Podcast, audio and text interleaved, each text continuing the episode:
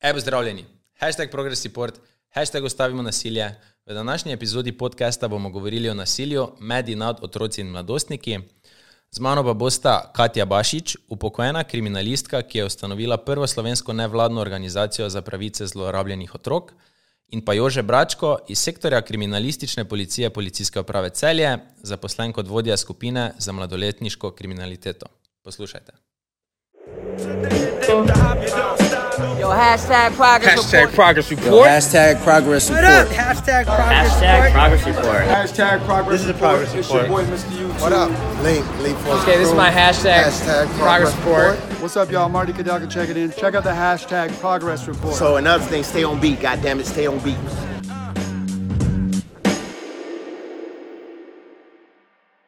Evo nas, lepo pozdravljeni v novi epizodi podcasta. Um, danes z mano Katja Bašič, uh, upokojena kriminalistična inšpektorica in um, Jože Bračko, vodja skupine za mladoletniško kriminaliteto iz Policijske uprave Celje. Uh, lepo pozdravljena oba. Pozdrav tudi vam. Dajmo se prvo kar loti teme, v bistvu, uh, kaj je nasilje, um, kaj vse zajema, kje vse se soočamo z njim, um, čist za začetek. Zdaj, nasilništvo vsebuje več različnih vedenj. Gre za fizične napade ali grožnje s fizičnim nasiljem, gre za poškodovanje stvari, gre za izsiljevanja, ne? gre za nadlegovanja, gre za psihološko nasilje, gre za verbalno nasilje in v končni fazi tudi tatvine, ne, lastnine so nasilje. Ne, med tem nadlegovanjem bi izpostavila tudi spolno nasilje, ki je tudi v, pri otrocih oziroma v osnovnih šolah kar dokaj prisotno. Kje vse se vidva srečujete, oziroma kakšno je vajno delovno področje? Ja, seveda, eh, z nasiljem se srečujemo tako na terenu, kot eh, tudi nasilje preko spleta, ki je vedno bolj aktualno. Ne? Eh, Tako kot je gospa Bašič že omenila, to spolno nasilje, predvsem to je ena nova, ali pa mogoče tudi ne več tako nova pojavna oblika, eh, katerega je zelo veliko, mogoče z tem COVID problemom se je še to povečalo, ko smo otroke dejansko prisilili pred računalnike in pred ekrane, tako da so imeli storilci še bolj, bi rekel, otro- otroke dostopne oziroma ja. pri sebi. In uh, je tu en res hud problem, ko začnejo zakrožijo neke gole fotografije, neke deklice in ne ve, kako odreagirati, pa kako to preprečiti. ja, ja. Uh, v, v vaši službi kot, kot vodja skupine za mladoletniško kriminaliteto, uh, s, vrst, s katero vrsto nasilja se, se najbolj vi dnevno srečujete, oziroma imate primere? Ja, uh, lahko mogoče bi rekel, da je naša specialnost uh, spolne zlorabe uh, oseb mlajših od 15 let in mlad, uh, mladoletnikov, potem uh, to uh, spletno nasilje, kjer obravnavamo to kaznivo, dejanje prikazovanja, izdelava in posest pornografskega gradiva, mogoče lahko tu tudi izkoristim, pa se pohvalim, da je tu uh, naša služba naredila velik napredek in dejansko prijave dobivamo tudi iz Amerike, od teh omrežij in aplikacij, aha, aha. kar se včasih ni dogajalo. ne. Ja, ja. Ta, drugače tudi je naše področje druž- družinsko nasilje, ne, kjer so deležni otroci in tudi če, nepos, če otrok ni neposredno deležen, Ja. ja. je prav tako žrtev v bistvu, ko že spremlja to nasilje in se počuti prestrašenega in neprijetno. Ne. Ja, uh, odkot pa sploh v bistvu, kakšni morajo biti vzroki, da se razvije nasilje, takšno ali drugačno? Je to izključno družinska, družinsko zadje ali skupnost? Ali... No, najprej bi se odzvala na to, kar je kolega rekel, ne, uh, in sicer kar dokazuje, da je nasilje nedeljivo. Ne. Da je nasilje od vrstniškega nasilja do spolnih napadov, do družinskega nasilja, do nasilja na ulici, da so to vse oblike nasilja, s katerimi se soočajo otroci, mladoletniki, in da vsaka žrtev nasilja tega, pa če ravno se nam zdi najbolj blago in tako naprej, ima seveda občutke, kot žrtev je prizadeta in nosi tudi svoje posledice. Mm. In more biti včasih nekatere vrste nasilja podcenjujemo. Ne? V, v Ko praksi, že- kje se to v praksi vidi, pardon, že ravno govorimo o spolnem nasilju, ne? imeli smo anketo v osnovni, treh osnovnih šolah v Ljubljani, kjer so dekleta 8. in 9. razreda kot najtežjo obliko nasilja, ki ga trpijo, izpostavljale ravno spolno nadlegovanje. Zelo jih prizadane, Ampak seveda, običajno se to zavije v govorenje o tem, da je to stvar pubertete, Aha. da je to stvar, bom rekla, samo neke eh, poizkusov, približevanja in tako naprej, kar absolutno ni res. Ja. Socialni Običajno delavci, je družina. treba vedeti, je treba, da nismo ravno družba, ki bi bila odzivna na vsako vrsto nasilja. Eh, predvsem, seveda, eh, ločimo nekako blage oblike nasilja, težje oblike nasilja, kar je seveda nesprejemljivo. Mm. Ne? Um, Se pravi, nasilje je nasilje. Dekleta, nasilje je nasilje in ravno pri mehnem, da tako rečem, se začne. Začne se že v vrtcu, ko se otroci neprimerno obnašajo eden do drugega. Ne? Pa včasih gledamo to kot otroško igro, in, tako, in kasneje tudi v osnovni šoli, ko minimaliziramo problem nasilja, če nam otrok sporoči, da je žrtev kakšnega svojega vrstnika, pa makar gre za psihološko nasilje ali pa verbalno nasilje. Ne, eh, in se dosti krat reče, no, no, sej bo v redu, ne, ni v redu. Vsako to nasilje je treba ustavljati in to je edini način, da pravzaprav preprečujemo nasilje, ki bo sicer vedno, Ja, ja. vendar kljub temu ga lahko ustavljamo in žrtve imajo pravico, da so slišane. Samo nekateri starši bi vam pa tu kontrirali, pa bi rekli, se ni tako eh, resno, oziroma ni bilo tako eh, ne, drastično, kot se morda sliši. Ne vem, nekdo ga je mogoče potisnil, nekdo mu je mogoče nekaj rekel. Nekdo bi rekel, zakaj pretiravate, zakaj delate iz miši slona dramo. A veste kako? Vsak od staršev, kjer je otrok njegov izpostavljen, da je seveda naredil nekaj narobi, eh, je občutljiv. To je razumljivo.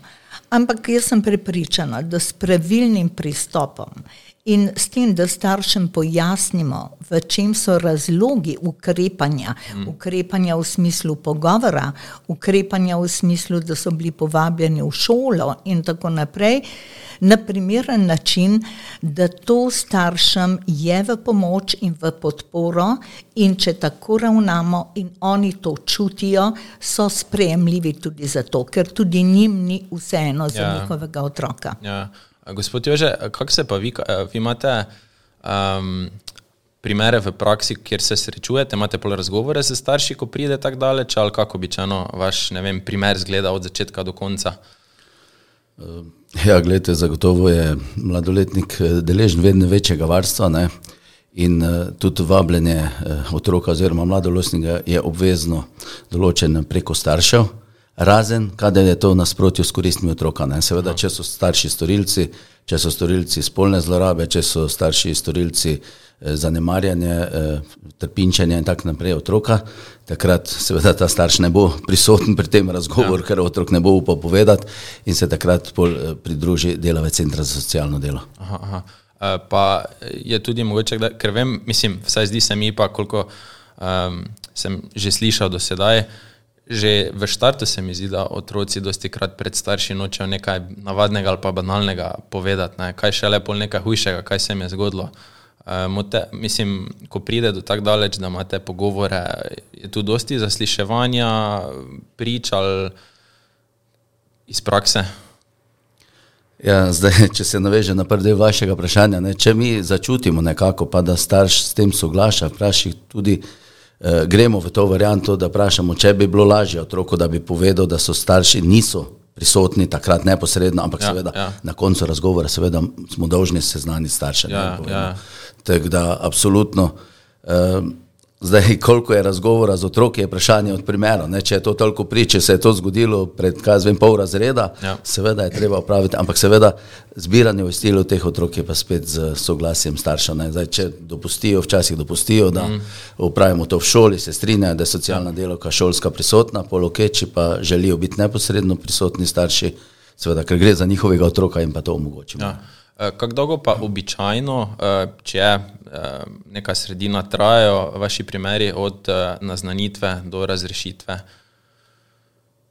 Približno. Mislim, je to dolga pot, da, da se neki stvari pride do konca. To je čisto odvisno, kakšna je zadeva. Če je to priporna zadeva, ne, huda ja. zadeva, hudo kaznivo dejanje, kjer gre storilec, se mu odzame prostost, mora biti rešeno v 48 urah. Ne. Če je to zadeva, ki je vezana na internet, kjer čakamo po 3-4 mesece na odgovore iz Amerike, pol je to malo več. Ne. Tako da pač tu nekje Ja, ja. se zadeve odvijajo. Načelno, Ja. ne. Ampak seveda ne more pa to biti čez dve leti, glede na to, da je otrok pa mladostnik žrtev. Ne. Ja, ja, ja. Um, v, v našem okolju imate kakšne podatke, koliko primerov nasilja se letno obravnava uh, pri mladostnikih? Eh, Kje, kakšne so številke? Rastejo? So, Jaz sem šla gledati statistiko ravno s tem namenom današnje bom rekla, predstavitve teh problemov in sem pri nasilništvu, ko gre za mladoletne osumljence tovrstnih kaznjivih dejanj, ugotovila, da je bilo leta 2017 samo dva odstotka vseh dejanj mladoletnikov povezanih oziroma je šlo za dejanja nasilništva. Medtem, ko v letu 2021 imamo teh primerov, oziroma je to že šest odstotkov, kar kaže na očitno naraščanje. Ne? In eh, problem je v tem, da smo eh, more biti malo zaostali v tem preprečevanju tega problema. Nekaj časa je delovalo, kot da so se stvari umirile. Uh, vendar so se, da tako rečem, potuhane. Ne? Čas, v katerem smo, uh, pravzaprav nekako je zelo razburljiv, je razburljiv tudi za mlade. Uh, Pokovedni čas je seveda malo premešal, bom rekla, tudi družinske situacije mm. in tako naprej. Eh, V družinah se je v tem času marsikaj lahko dogajalo, zagotovo je bilo prisotnega več nasilja, ne, bili so skupaj ne, in tako, eh, tako da ta procent, glede na to, da ta dejanja še vedno niso zadosti prijavljena in dosti prijavljiva, je pravzaprav zelo visok. Eh, Imate vi kakšne podatke ali pa vsaj oceno, eh, koliko je potencialnih še neprijavljenih vrst nasilja, oziroma kakšne so tu številke, ki jih statistika ne razkriva? No? Ja, mogoče bi se še samo navezal Ja. ja. na gospod Katjo. E, mislim, da ste vi govorila o nasilništvu, ne kazniva dejanja, prav nasilništva. Ne? Ja, ja. Ja. Drugače pa e, statistika e, dejansko pa zdaj izkazuje, da storil, mladoletnih storilcev je pa manj, vsako leto število upada. ne. Tako da jaz mogoče kot delni strokovnjak si razlagam tako, da dejansko eh, imamo svoj delež, ko preprečujemo to zanemarjanje in tako naprej in preprečimo, ker otrok je zanemarjen in tudi večja verjetnost, da bo pol zašel kasneje v storitev kaznivih dejanj ali pa da bo postal storilec kaznivih dejanj. ne. Tako da zdaj, kakšno je sivo polje, to bomo težko vedeli. Ja, Ja, ja. ljudje ja. prijavljajo več ali manj, po eni strani so bolj občutljivi, po drugi strani se jim ne zdi smiselno, tu je težko, ampak bi se še tule mogoče dotaknil te statistike, ko sem jo tudi polletna statistika, eh, nasilje med vrstniki. Ne? To pa niso samo kazniva dejanja, to je pa vso nasilje, pač, ki smo ga seveda spet Ja, evidentirali. lahko brez- to samo malo pišemo za poslušalce, kaj zdaj vse ste mislite, posplošeno nasilje, to je kaj, je to nadlegovanje. Tako, to je fizično? vsako, to je neke žalitve, verbalne žalitve, grožnje, recimo, ker tudi če oseba kazensko odgovorna je otrok pri 14 letih. Ne? In takrat mi lahko, ko ima odgovornost, eh, je subjekt kazenskega prava in takrat mi lahko govorimo Ja. o kaznivem dejanju. Ne? Če pa je storilec pod 14 let, pa ne moremo govoriti o kaznivem dejanju, ne? Mm. govorimo o nekem nasilju. Eh, In eh, hočem reči, da tale porast tega nasilja med vrstniki, to je pa fejs porast, na državnem nivo- nivoju je to 35%, Eh, Dotično pa sem pogledal tudi za policijsko upravo celje, ima pa skoraj 100% porast medvrstiškega nasilja. Adijo, noro. Ja. No, morda smo se narobe razumeli, ampak jaz, ko sem govorila o tem povečanju, sem govorila v okviru mladoletniške kriminalitete. Ne? Kako se je povečalo nasilništvo? Ja, eh, ja vse sem vas mladih, razumel. Ja. ne? Ampak okay. vsa kazniva dejanja ne, so pa v upadu. Ja, Mladoletnikov, ne, ko so mladoletni osumljenci, prav ko mi podamo kazensko vadbo na No, tožilstvo. glede Ja, na to, razumem. da smo govorili o nasilništvu, ne, sem jaz to izpostavila. Ne. Eh, Drugo pa seveda, nikoli ne bomo vedeli, kakšno je sivo polje te kriminalitete, ampak dejstvo pa je, da je prijavljivost slaba, ne, ker je pravzaprav na vseh področjih, tudi drugih, zdaj v sredstvih javnega obveščanja, vidimo tudi odrasle žrtve, težko poročajo in tako naprej. Um, poleg tega pa dosti krat šole, kjer je največji problem tega nasilništva, skušajo še vedno ohranjati svoj uh, dober imič. Ja. Pardon, Ne? da vas prekinjam. Zakaj, je, zakaj so prijave v upadu oziroma slabe? Eh, Prijave so eh, neprijavljanje. No, ne, ja, rekla. ja. Pa, pa, pa Neprijavljanje. kdo je običajno tisti, ki poda prijavo? So mladoletniki, strokovni delavci, starši? Eh, Neprijavljanje je razlog v tem, je minimaliziranje problema. Ne? To se pravi, ne vidi se, da je to nasilje, mi pravzaprav še ne prepoznavamo povsod, kaj je nasilje. Mm. Psihološko nasilje tako rekoč ni vključeno. Sploh ne. Mi tudi teo, teoretično, ja, Ja, ja. ampak v praksi ne.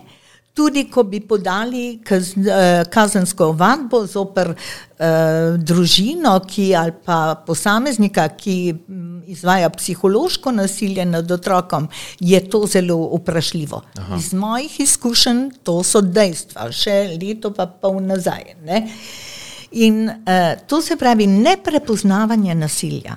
Ali gre za, uh, bom rekla, nadlegovanje spolno, ali gre za psihično nasilje, ali gre za verbalno nasilje. To so vsa nasilja, ki ostanejo večinoma prekrita, puščajo pa ravno tako velike posledice pri otrocih. Ja, ja. In pa predvidevam, da je tudi dosti večja verjetnost, da se iz eh, takšnega mladostnika pol razvije, da je on sam na koncu nasilnež. ne. Ja. No, težko je reči, da je žrtev postane nasilnež. Težko. E, predvsem je treba vedeti, da ko govorimo, če zdaj razmišljamo o spolnih napadih Ja. ja. na otroke, se lahko zgodi, da oseba, ki je spolno napadala otroke, jih napada tudi zato, ker je sama doživela spolni napad. In jim je to način, da nekako vzpostavijo spet neko svojo moč, neko svojo kontrolo, ki jo kot otroci, kot žrtve niso imeli. Vendar ne smemo to posploševati. Ker iz tega bi izhajalo to, da so vse žrtve nasilneži, Ja, ja, ja. Eh, tako da absolutno ne. Je pa to seveda tudi možno. Ja. Ne? Ampak pri žrtvah tega nasilja ne, je pa treba vedeti, da so to otroci, ki izgubljajo šolanje, ki nočejo več v šolo, ki želijo, da se jih spremlja, ki se soočajo z zdravstvenimi težavami, ne, ki mm. ne povedo ničesar, ker se bojijo. Ja, ja. Ne, e, tako da to so veliki problemi, ki jih veliko krat hočemo nekako zminimalizirati. Ja, potlačiti. Uh, na, do vas, uh, ko dobite prijavo, kdo je običajno prijavitelj? Tu uh, kakšen strokovni delavec iz šole, starši ali mladostniki sami? Ja, eh, veliko imamo prijav iz eh, šol, ko se zaupajo tam svetovalni delavki in tako naprej. eh, Veliko, dosti je tudi prijav iz centrov. Včasih šola posreduje nam, včasih posreduje centru ne, in pol Ja. center nas, tako da največ bi rekel po tej liniji Ja. ja. prijav, kaj se tega tiče. Pa zakaj oba dva sta omenila, da je največ mladostniškega nasilja na šolah? Ko hkrati se mi zdi, da vsi vemo, oziroma bi vsaj morali vedeti, da bi šole mogle biti nek eh, varen prostor za, za mladino, ne? pa je največ nasilništva tam. Zakaj je temu tako? Mislim, To je tako, da bi šel, ne vem, eh, sredi gozda eh, po svež zrak, pa bi bil tam najbolj onesnažen. Mislim, Ja, če sem, ko sem gledal to statistiko, ne, je prav eh, največ recimo nasilja v osnovnih šolah, na poti v šolo in tako naprej, prevzgojni zavod. Se pravi, otroci se tam največ zadržujejo. Ne. To so kraji, kjer so otroci največ prisotni in očitno da je temu posledica, ker se tam največ grupirajo. Ne. ja. Ja. Pa zakaj pol, če se lahko vrnem malo na začetek, um, so kakšni procenti, je kakšna statistika, uh, izkot izvira tista večina, uh, da se pol nasilje razvije, ali je to domače okolje starši, ali je to skupnost kot sama. Um, kaj, kaj, Veste, nasilje, statistika, odkje, kaj, ja. kako. Te raziskave pri nas, eh, kolikor jaz vem, še niso bile upravljene v tej smeri. Vendar dejstvo je, da je nasilno vedenje ali pa nasilje tudi stvar, to je družben problem. Stvar družbe, stvar kulture, stvar zgodovine naše in tukaj noter vmes je seveda pomembna družina, In potem, če začnemo z vrtcem, in potem šola, seveda, ja. vse to so dejavniki, ki lahko preprečujejo ali pa seveda pogojujejo mm. nasilje. In družina je pomemben faktor. Ne? Otrok, ki se eh, sooča z nasilnim vedenjem v družini ali pa z nasilnim odnosom do njega, eh, s čustvenim zlorabljanjem njega in tako naprej. Seveda ne moremo pričakovati, da bo imel drugačen odziv do svojih vrstnikov. In ko pridemo v vrtec in ko se tam lahko pojavljajo že nekateri znaki, seveda to dosti krat pripisujemo neprimerni igri in tako, kar ni v redu, treba je ustavljati. Ne? V šoli govorimo seveda potem o tem, kako eh, so to pri spolnem nasilju, ja, hormoni, pa puberteta in tako naprej, ja. ali pa, pa sej nič hudega ni hotel, ne, Do- ne biti- ne biti tako občutljiv. Mm. Ne, in, tako, in enostavno se ne postavimo vedno na stran žrtve. Ja. Ne poslušamo otroka, ne slišimo, kaj nam pripovedujejo. Ja. Ne, in seveda otrok tudi se umakne, ampak nasilnež s tem dobi možnost, Da to dobi moč. pot in seveda postaja njegovo nasilje še težje. Mm. Treba je eh, razmišljati o tem, da je nasilništvo in nasilje pri otrocih, ko se gre po lestvici kriminala, pardon, navzgor, prognoza najslabša za delinkventno vedenje naprej in za kriminalno vedenje, ravno pri nasilnih otrocih. Ja. Uh, do katerega leta starosti vi oziroma obravnavate uh, eh, mladostniško kriminal- kriminila- Kriminaliteto. kriminaliteta? Eh, Ja, do 18. leta, ne? dokler je v bistvu, da ni polnoleten. Ja, ja. To se šteje pod mladostniško. Ne? Bi se pa tu pridružil, gospe Kati, spet ne, ko neki otrok ko je v šoli nasilni in to vedno se je treba vprašati, kaj se tu doma dogaja. Ne? Ja, ja. Dosti krat vidimo, ali je eh, otrok sam žrtev nasilja, ali eh, opazuje to nasilje in vidi vzorec, se Ja. pravi, če doma oče doseže silo, bom tudi jaz dosegel silo, ne? Ja, ja. ali gre to neka potreba po dominantnosti, po prevladi. Tako da v bistvu to so ti razloge, ne, da je dejansko družina, se mi zdi, tista ja. osnovna in najbolj odgovorna. Ne. Ja. Ja. Pa da opravite vi v bistvu vse pogovore, razgovore. Uh, imate tu dosti, dosti krat se v medijih pojavlja, ja, pa rabiš uh, to soglasje, pa center za socialno, socialno delo mora biti vključen, pa starši morajo soglasati, vaš, vas vsa ta birokracija ovira pri vašem uh, delu, da pač razrešite zadevo ali Oh, ne vem, če bi lahko rekel, da ovira je, pa seveda malo več časa vzame, ne, Ja, zvem, ja. zdaj, sploh zdaj po tej novi zakonodaji eh, ima pravico mladoletnik do odvetnika, če pravi, če mu je odzeta prostost ali pa če se zoper njega neka preiskovalna dejanja eh, v, eh, izvajajo zoper njega, seveda je treba pač se še naprej dogovoriti z odvetnikom ali pa se starši posvetovati, boste vi zagotovili, bomo mi zagotovili, ne. Ja, ja. Tako Da, ampak načeloma pa ni neke Ja. strašnih ovir. Je Pa, jaz seveda pa najslabši, ko starši tega ne uvidijo, pa dajo potuho, pa zagovarjajo otroka. Ne, je To dosti pa- tega.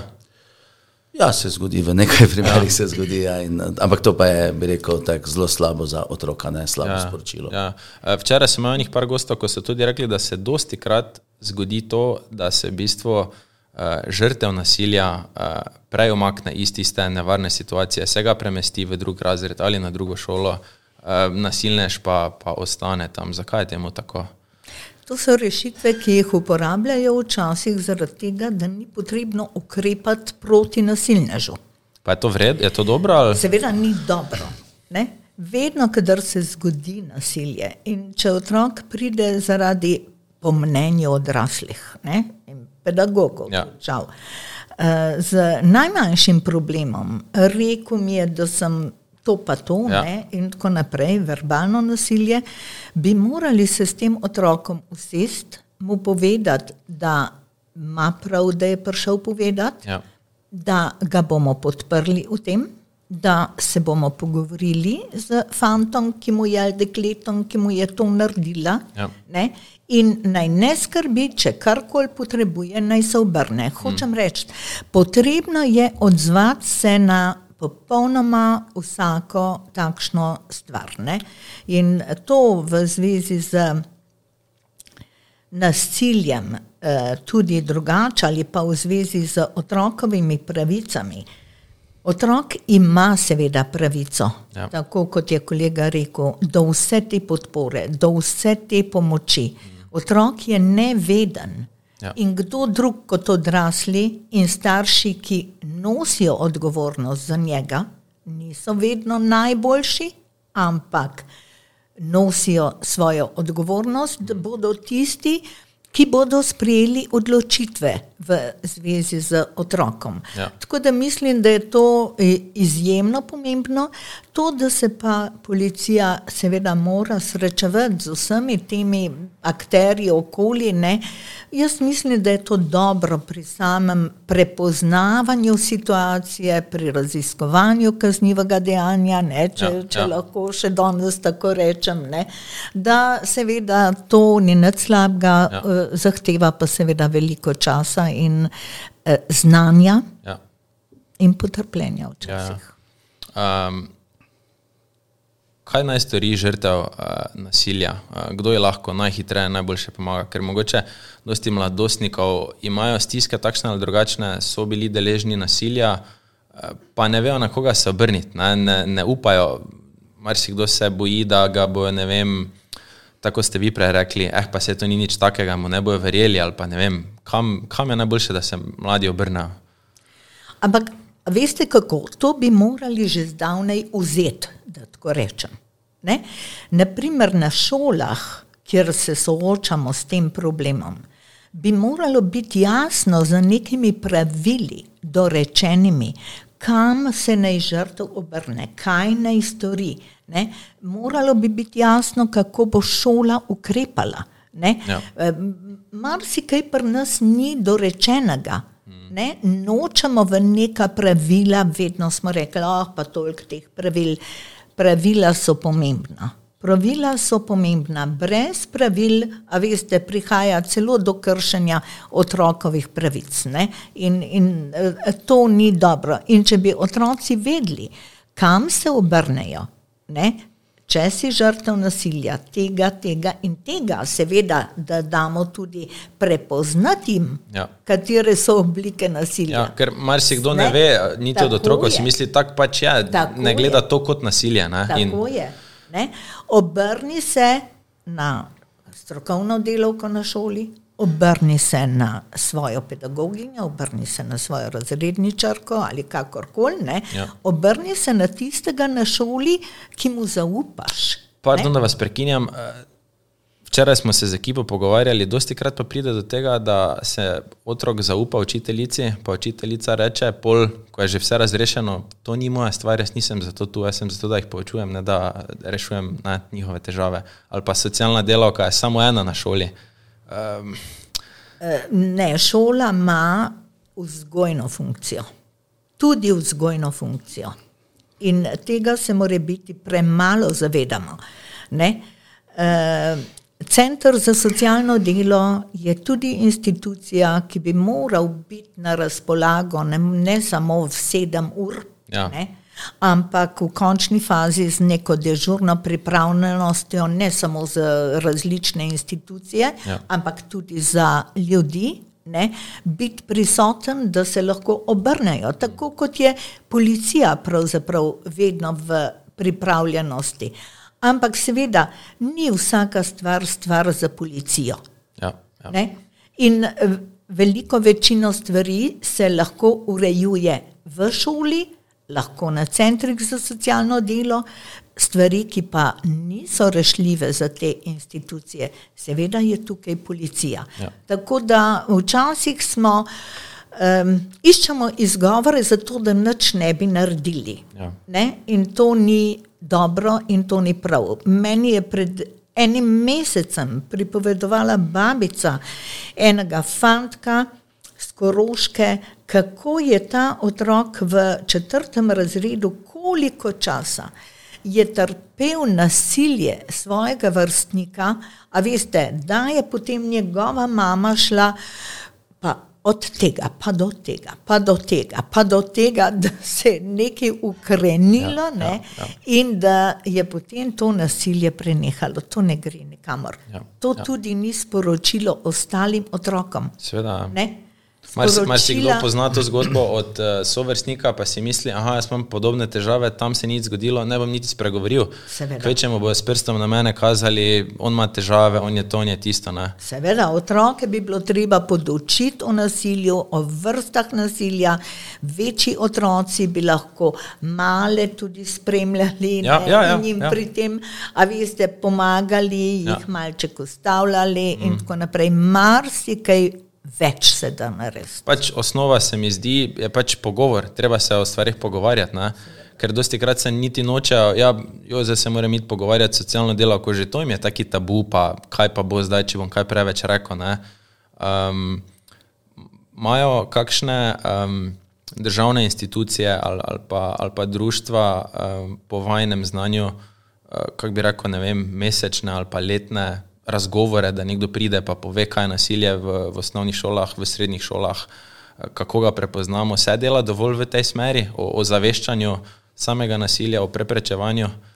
Mislim, da bi to moral biti osnoven predmetnik za pedagoge oziroma vse tiste, ki v svojih službah prihajajo v stik z otroci. So nekatere stvari, katere bi enostavno morali v času študija vzeti. Mm. Poleg tega nekako pogrešam uh, tudi uh, zloženk. Leta, leta nazaj sem pripravila zloženko o nasilju, v katerem sem, se navajajo seveda eh, posledice nasilja, ne, kaj vse je nasilje in tako naprej. Tega je premalo. Tudi starši ne vedo, kaj vse je nasilje. ja, ne. ja. In tudi starši se ne znajdejo in ne vedo, kako pomagati otroku. Ne? In mu lahko tudi sami rečejo, pa ne bi tako občutljiv, Ja. a veš kaj. Ali pa, dej, še ti ga dej nazaj. Ne Ja. razumejo, ne, Ja. kako to poteka. Tako da veliko, veliko več bi bilo potrebno tega, da res začnemo prihajati na en nivo, da spreminjamo ta odnos v družbi do nasilja. Ja, ne, ja. ker je to važno tudi za nas odrasle. Ja. Samo pogledajte, s čim vse se soočamo, Ja. pa si zatiskamo oči. Uh, ko pride enkrat do prijave na policijo, kaj v bistvu policisti pol naredijo za uh, zaščito žrtve? Kakšni so tu postopki? Um, Ja, malo je razlika, ne, za, kakšno, za kakšen dogodek gre. Ja, gre ja. to za neko hudo obliko kaznivega dejanja ali gre za prekršek. lahko damo kakšen en ali pa dva primera, različna, toliko da. Ja, mogoče, če Ja. lahko ponastavimo. Seveda, eh, vsekakor v prvi vrsti mora biti v vidu zaščita žrtev, ne, da se žrtev zaščiti, eh, če je poškodovana, da se je prva pomoč nudi in tako naprej. Ne. Zdaj, če je to prekršek, se pridobijo policisti to izjavo priče, se izda plačilni nalog in se izreče globa in je to to. Ne. Če Ja. pa Če pa bi šlo za neko, če za neko hudo, uh, gre za kaznivo dejanje, kjer so priporni razlogi, recimo ponovitvene nevarno zavarovanje dokazov in takrat, ne, Ja. takrat se storilcu vzame policija prostost do 48 ur in se ga v nadaljevanju privaja na zaslišanje preiskovalnemu sodniku, pa tožilcu, ki pa lahko zoper to osebo odredi pripor ali pa kakšen drugi nadomestni ukrep, ne, ki bo zadosil, bi rekel, zaščiti žrtve. Ja, ja. Uh, običajno, um, ma, glede na vaše področje, se pravi celsko področje, uh, je dosti um, ponovitev nasilništva. Uh, zdaj ne vem, ali mislimo tule na mladoletnike. Na mladoletnike, ali, ja. Na mladoletnike, ja. Ja, je, se tudi dogaja. Ne. To je prav, bi rekel, prav imaš štrleče posameznike, ne, kjer eh, zagotovo ni prava usmeritev od zadnjih staršev, ker starši Ja. ja. ne igrajo svoje vloge in se, in se tudi, eh, bi rekel, ponavljajo te dogodki. Ja. Ja. Čeprav smo tu mi tudi odgovorili že malo z druge plati, ja. smo zoper te starše, ki svoje vloge ne odigrajo zakonskih dožnosti, smo kazenske ovadbe podali po je za zanemarjanje. Tako, zanemarjanje, ja. ker taki starš, ki navaja otroka k antisocialnemu vedenju, ki ne skrbi za njega, nima nadzora nad njim, ga prepušča sam sebi, ne vem, kakšne oblike zanemarjanja še Ja. ja. vse. Pol uh, mi v teh primerih zoper starše podamo kazensko ja. vadbo. Ne? Uh, tu ste samo vi prisotni ali še socialna služba, uh, šolstvo, ko pride do staršev, da jih je treba um, še z njimi uh, podebatirati. Uh, seveda mi o tem obvestimo Center za socialno delo, tudi mm. ne. Šola, zdaj, če, ni, če se ne navezuje dogodek na šolo, pol šola ne obveščena. Če pa je bil dogodek v šoli, bo pa tak šola seznanjena. Ne? Ja, ja. Ja. Uh, ko govorimo o uh, družinskem nasilju, um, kakšne so kratkoročne pa dolgoročne posledice tu uh, družinskega nasilja? Uh, ker marsikateri starš bi tudi, bi tudi se ne strinjal ali pa ne prepoznal, da je nasilje to, da mogoče uh, skozi z pozvignjenim glasom se dere na otroka ali pa ne. To, Kakšne so vse tu vrste nasilja? Star, marsikateri starš niti ne ve, da je to ena oblika nasilja, pa da se na dolgoročno bo poznalo to na otroku. Ne? No, ogromno je tega čustvenega nasilja, ki ga ne prepoznamo. Ne? Ti si naumen, pa daj pusti to, pa kaj zmeri nekaj narobe narediš, pa nič ne znaš narediti, pa poglej, kakšen bebec si. Mm. A veste, to je tako rekoč folklora. Folklora, ko večkrat to izrečete otroku. Ja, ja. Otrok dejansko začne čutiti, a veste, da nekaj ni v redu z njim. Ne? Pade njegova samozavest. Ne? Iz tega seveda se rodi marsikakšna neuspešnost lahko njegova in tako. Ampak vse pravim, nismo občutljivi do tega. Ne? In se to uh, ni treba, da se sankcionira. Ampak, uh, če bi se o tem več govorilo, ne?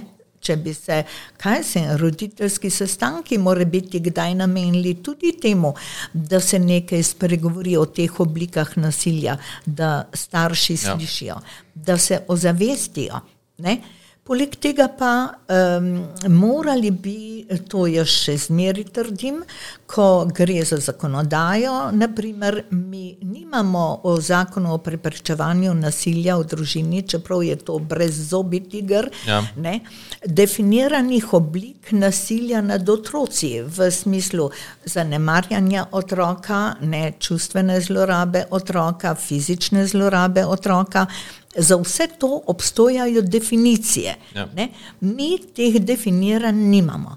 To je zelo pomembno, ker če starš prebere te definicije, potem ve, kje je njegova odgovornost, kje je njegovo mesto. Ja. In tudi nekako uh, upravičeno še bolj zahtevate od njega, da svoje ravnanje prilagodi temu, kar seveda od njega najmanj zakonodaja uh, pričakuje. Ja. Uh, tako da to nasilje, bom rekla, deluje včasih, kako ne rečem, nepomembno, ampak to je najbolj pogosta oblika nasilja, veste, ki otroke v narekovaju ubija. Ja, ne. na dolgi Eh, rok, ja. Tako je. Ne? Fizičnega nasilja seveda tudi obstoja, če ja. ravno smo se kot država zavezali, da se otroka ne sme udariti. Mm. Ampak v zakonodaji imamo še vedno, kdor hudo ne, ravna z otrokom, ni hudo.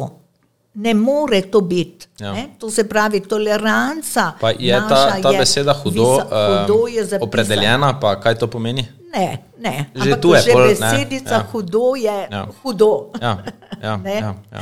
Uh, in potem, če gledamo vse te oblike nasilja, veste, ki je pravzaprav široko razpršeno, tudi ko gre za družinsko nasilje, ne, se še vedno dogaja, da dobi in žrtev prekršek in storilec prekršek. Ja. Ne.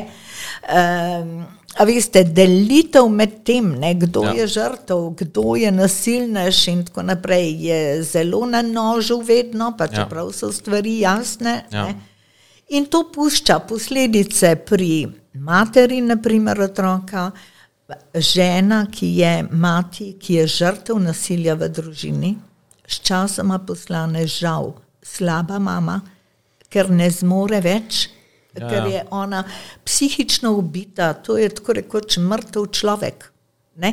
In se ne more in se ne ukvarja z otrokom. Ja. Ne? Otrok vidi, kako je oče uspešen, ne?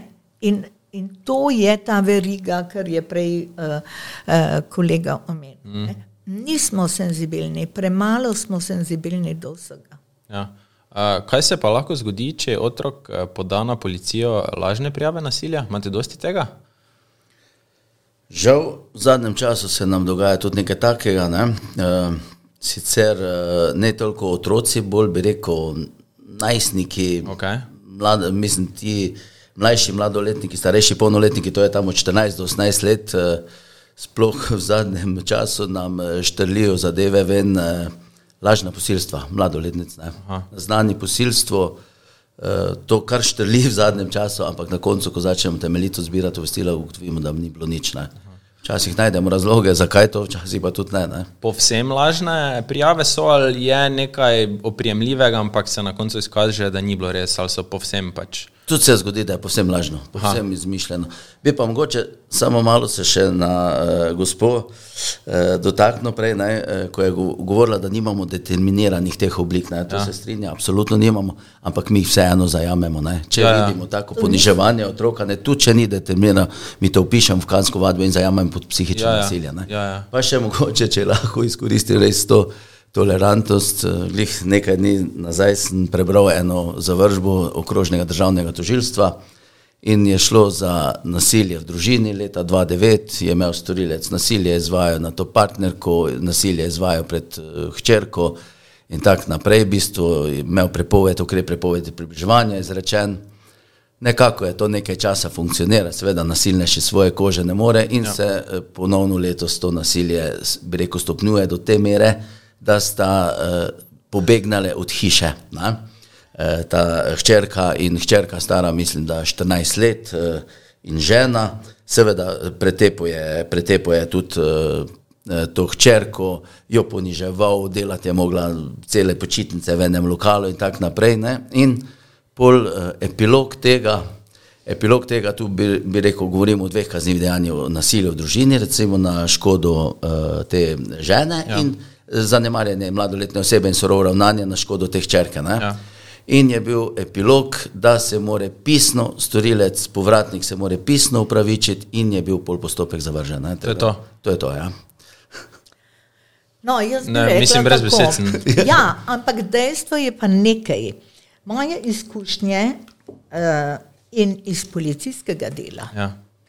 uh, so takšne, da mogoče radi govorimo o tem, nekdo drug je tisti, tožilc se ni tako odločil, mi smo naredili, sodnik se ni tako odločil, tudi so primeri. Ja. Ampak dejstvo je, da kadar se stvari dobro utemelji, kadar se stopi v stik s tožilcem, da vemo, kaj bo lahko dal naprej, kadar se potem, a veste, da se lahko stvari bolje razpletejo. Ja. Čeprav tudi meni v nevladni organizaciji, kjer sem do leto pa pol nazaj delala, Ja. eh, je bil, bilo sodišče veliko krat največji eh, problem. Ne? V smislu odločitev, ne? Ja. ali seveda se odločiti za uh, izrek kazni ali ne. Uh, bi pa pri nasilju moramo, to bi rekla, vedno delovati skupno. samo en, samo policija ne more ustavljati nasilja. Ja, samo šola ne more, samo starši mm. ne morejo. Vsi moramo delovati skupno. Ja. In drugo, kar seveda, uh, jaz sem pač uh, gledam stvari tako, lažne prijave posilstev ali pa spolnega nasilja je nekaj najtežje, kar se lahko eh, oseba spomni, da prijavi. Zakaj? Govoriti o tem ne, je težko. In v končni fazi vsa ta dejanja imajo neko svojo dinamiko. Ne? Ali jo znamo prepoznati, ali jo ne znamo. Če jo znamo prepoznati, seveda zelo hitro vidimo, kaj je lažnega, ne kaj Ja. ni. Ampak prepričana sem, da nimamo problema z lažnimi ovadbami. Ja. To sem prepričana. More biti se najde kdo ali pa kakšen primer, ampak potem se je treba vprašati, kaj je tukaj v ozadju, mm. kje so bili razlogi, da je do tega prišlo, in pri mladoletnih je to tudi izjemnega eh, pomena. Ja, ja. Drugač pa eh, dejanja eh, lažnih prijav, a veste, tudi za otroke veliko krat govorijo, bilo starši so lažno prijavili zloraba in tako naprej. Eh, to človek težko eh, posluša. Mm. Ne? To je Ne. res nekaj najtežjega. Ne bi bilo boljše, da bi se vse te pač lažne prijave samo kaznovale? Vse se lahko, vse se lahko obstojajo pogoji Ja. in jaz vedno pravim, če je lažna prijava, ok, tukaj je kaznivo dejanje krivo vadbe Ja. in jasno. In Ja. to bi se vsak. Kako je bolj to v praksi? Eh, Ja, v praksi je pa to malo drugače. Ne? Za krivo vadbo ti lahko nekoga uh, ovadiš, kot je podal na zapisnik in je bil opozorjen na posledice krive vadbe. ne. Ja. Če pa kazve deklica pride v šoli, pa naznani socialno delo, ki je socialno delo, kot nam, deklica v tem primeru ni bila opozorjena na Ja. posledice krive vadbe in nimamo. mi No, ampak- Nimate zapisnika, ja. niste. Ja, ja. Je pa, je pa mogoče bi tu dodal res, ne, da so verjetno, tako je gospod Katja rekla, neki razlogi za to. Ne. Ja. Vidimo, imamo bolezenske razloge, imamo deklice, ko so petkrat, po osemkrat naznanile, že lažno. Ne. Ja. E, tako da so verjetno neki bolezenski razlogi za tole. Lahko je mogoče neko išče neko pozornost, seveda včasih to ugotovimo, včasih ne ugotovimo, ne. Ja. ampak res imamo kar, kar nekaj primerov, te, ne, da vidimo, da Ne bi bilo boljše, da bi tudi, če bi nekdo naznanil socialni delavki ali pa učiteljci, pa pol bi oni posredovali vam, bi načeloma to glih tako mogla biti uh, kazenska vadba. Seveda. Mislim, ne, ne bi to igralo v praksi? V zakonu o kazenskem postopku ne, ne, ker piše točno, ne, kdo je bil opozoren na posledice krive vadbe. Ne, Ja, ja. tako. Pa še to vedno pol ni epilog, da bo ta obsojen, ne, ker pač so lahko takšni ali drugačni razlogi, Ja. ja. pripeljali. Zakaj se tudi dosti krat eh, zgodi, da uh, se neka tragedija zgodi, pa pol slišimo ali pa preberemo, da je imela oseba prepoved približeva, približevanja, da je že bilo toliko krat uh, zapisano družinsko nasilje, pa traja, vem, to pet, devet, deset let preden se na koncu, vem, sodišče ali pa policija odloči malo bolj uh, ostro ukrepati. Zakaj pride sploh do takih stvari, primerov? Ja, gledajte, zdaj, jaz bom tako rekel. Ne. Ukrep prepovedi približevanja, če govorimo o tem, ko ga eh, po zakonu izrekam, po zakonu o nalogah in pooblastilih policije, ko ga policija izreče do 15 dni, ima žrtev možnost podaljšanja, jaz pravim, to ni ukrep za zaščito žrtev, to je ukrep za premislek. Ne. Ja. Tistemu storilcu, ko še bi rekel, malo možgani delujejo, Ja. da bo premislil, da se bo zavedal, da ne sme, ampak to ni dobena fizična zaščita. Ne. Ja, seveda ne, ja. Da policija, ampak žrtev, on ima dostop do žrtve, tako kot je v varni hiši in tako naprej. Ne. Ne greste vi za avtom, pa za njim, pa skozi ne Tako, hodite. ne ja. moremo, niti fizično policija ni zmožna. Ne. Seveda, more, more biti neka hujša oblika in more biti neki priporni razlogi. Ne. Se pravi, zdaj, da je večkrat, da je večkrat, ali da je res tako izrazito, ali pa ga imamo mi postopku, pa še on naprej grozi, da bo ubil to žrtev in tako naprej.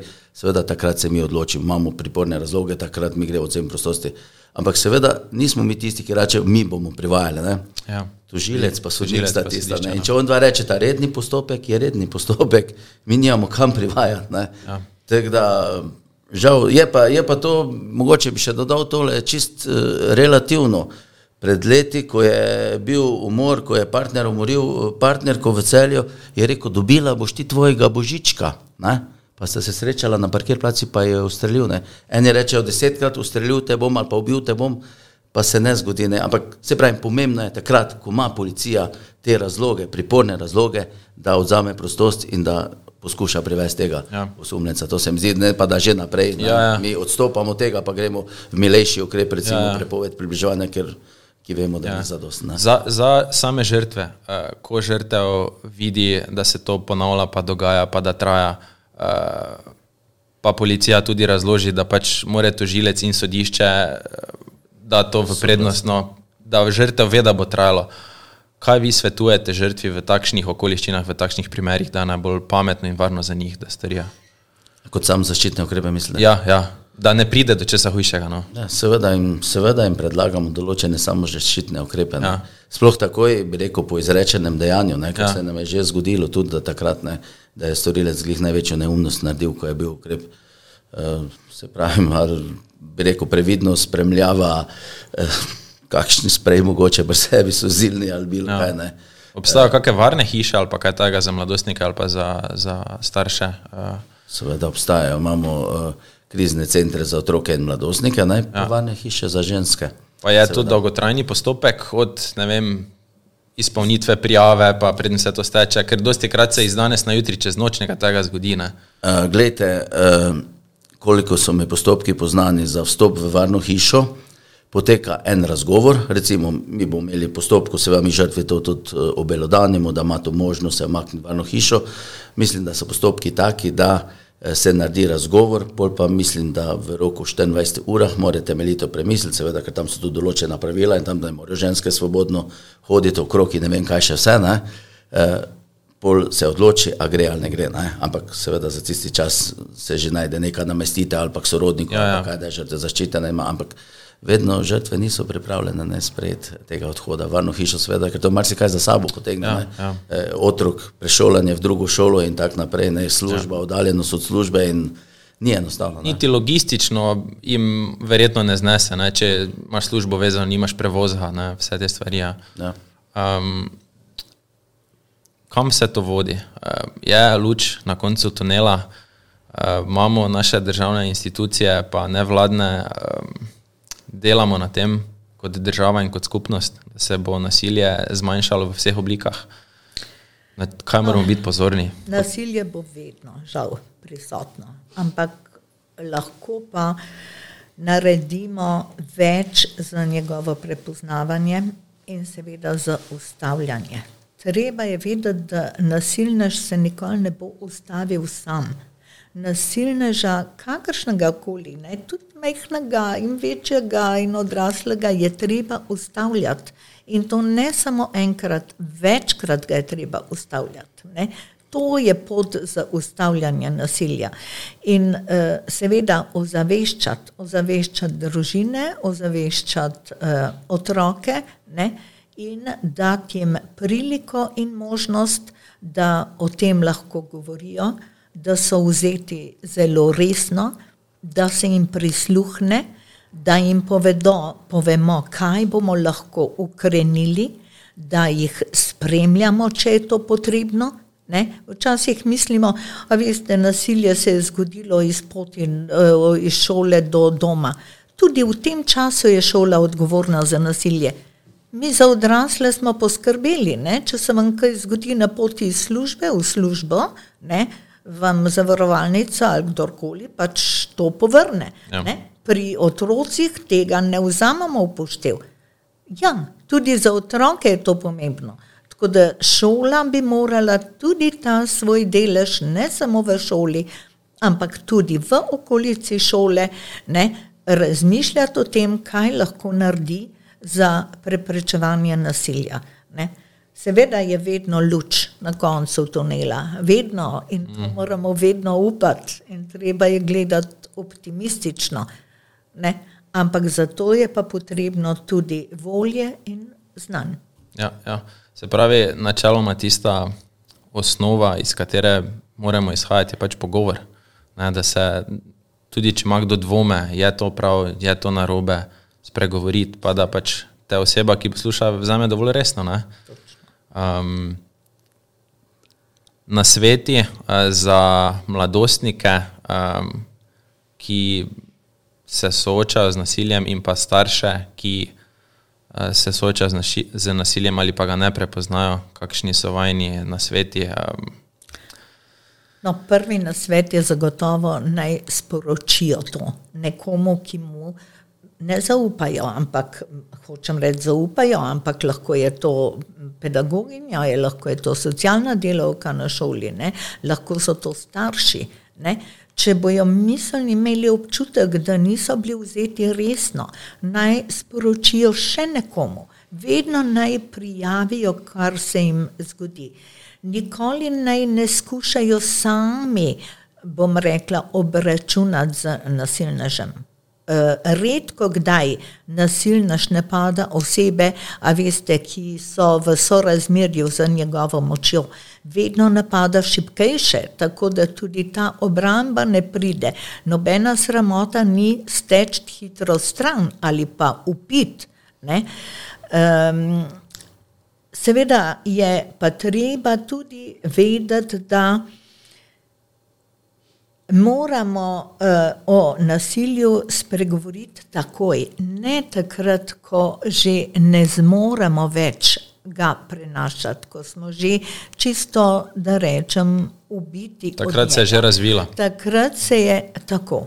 Um, in seveda um, ozaveščanje in ozaveščanje in sodelovanje vseh služb, izjemno pomembno, izjemno pomembno. Ena bo mora biti gledala tako, ena institucija tako, ampak v končni fazi, ko bojo združili mnenje o nekem problemu, bodo prišli do enotnega stališča. In tako se naj bi tudi ravnalo v naprej, ker bo to podpora vsem. Ja, ja. Uh, pa mislim, da tudi, ker dosti mladostnikov pa staršev si mogoče iz takšnih in drugačnih razlogov ne upa iti na policijo po pomoč, ker si pol mislijo, da zdaj pa če bo policija vključena, zdaj pa bo to ja. bum, pa bo vsi zvedeli. Ne? So vedno dobrodošli v takšnih in drugačnih stiskah, kot vam. Zagotovo, zagotovo. Ja. Uh, najlepša vam hvala za vaš čas, uh, za besede. Z veseljem. Uh, upam, da si bodo poslušalci čim večkrat preposlušali podcast uh, in da bodo pomagali drug drugem, da se zbudimo v čim manj nasilno jutro. Hvala lepa, lepo hvala. zdrav. Enako, hvala. Yo, hashtag progress Hashtag report. progress Yo, report. hashtag progress What up? report. Hashtag progress Hashtag report. progress report. Hashtag progress This is a report. progress It's your report. boy, Mr. YouTube. What up? Link, Link Force Okay, this is my hashtag, Hashtag progress report. What's up, y'all? Marty Kadelka checking in. Check out the hashtag progress report. So another thing, stay on beat. God damn it, stay on beat.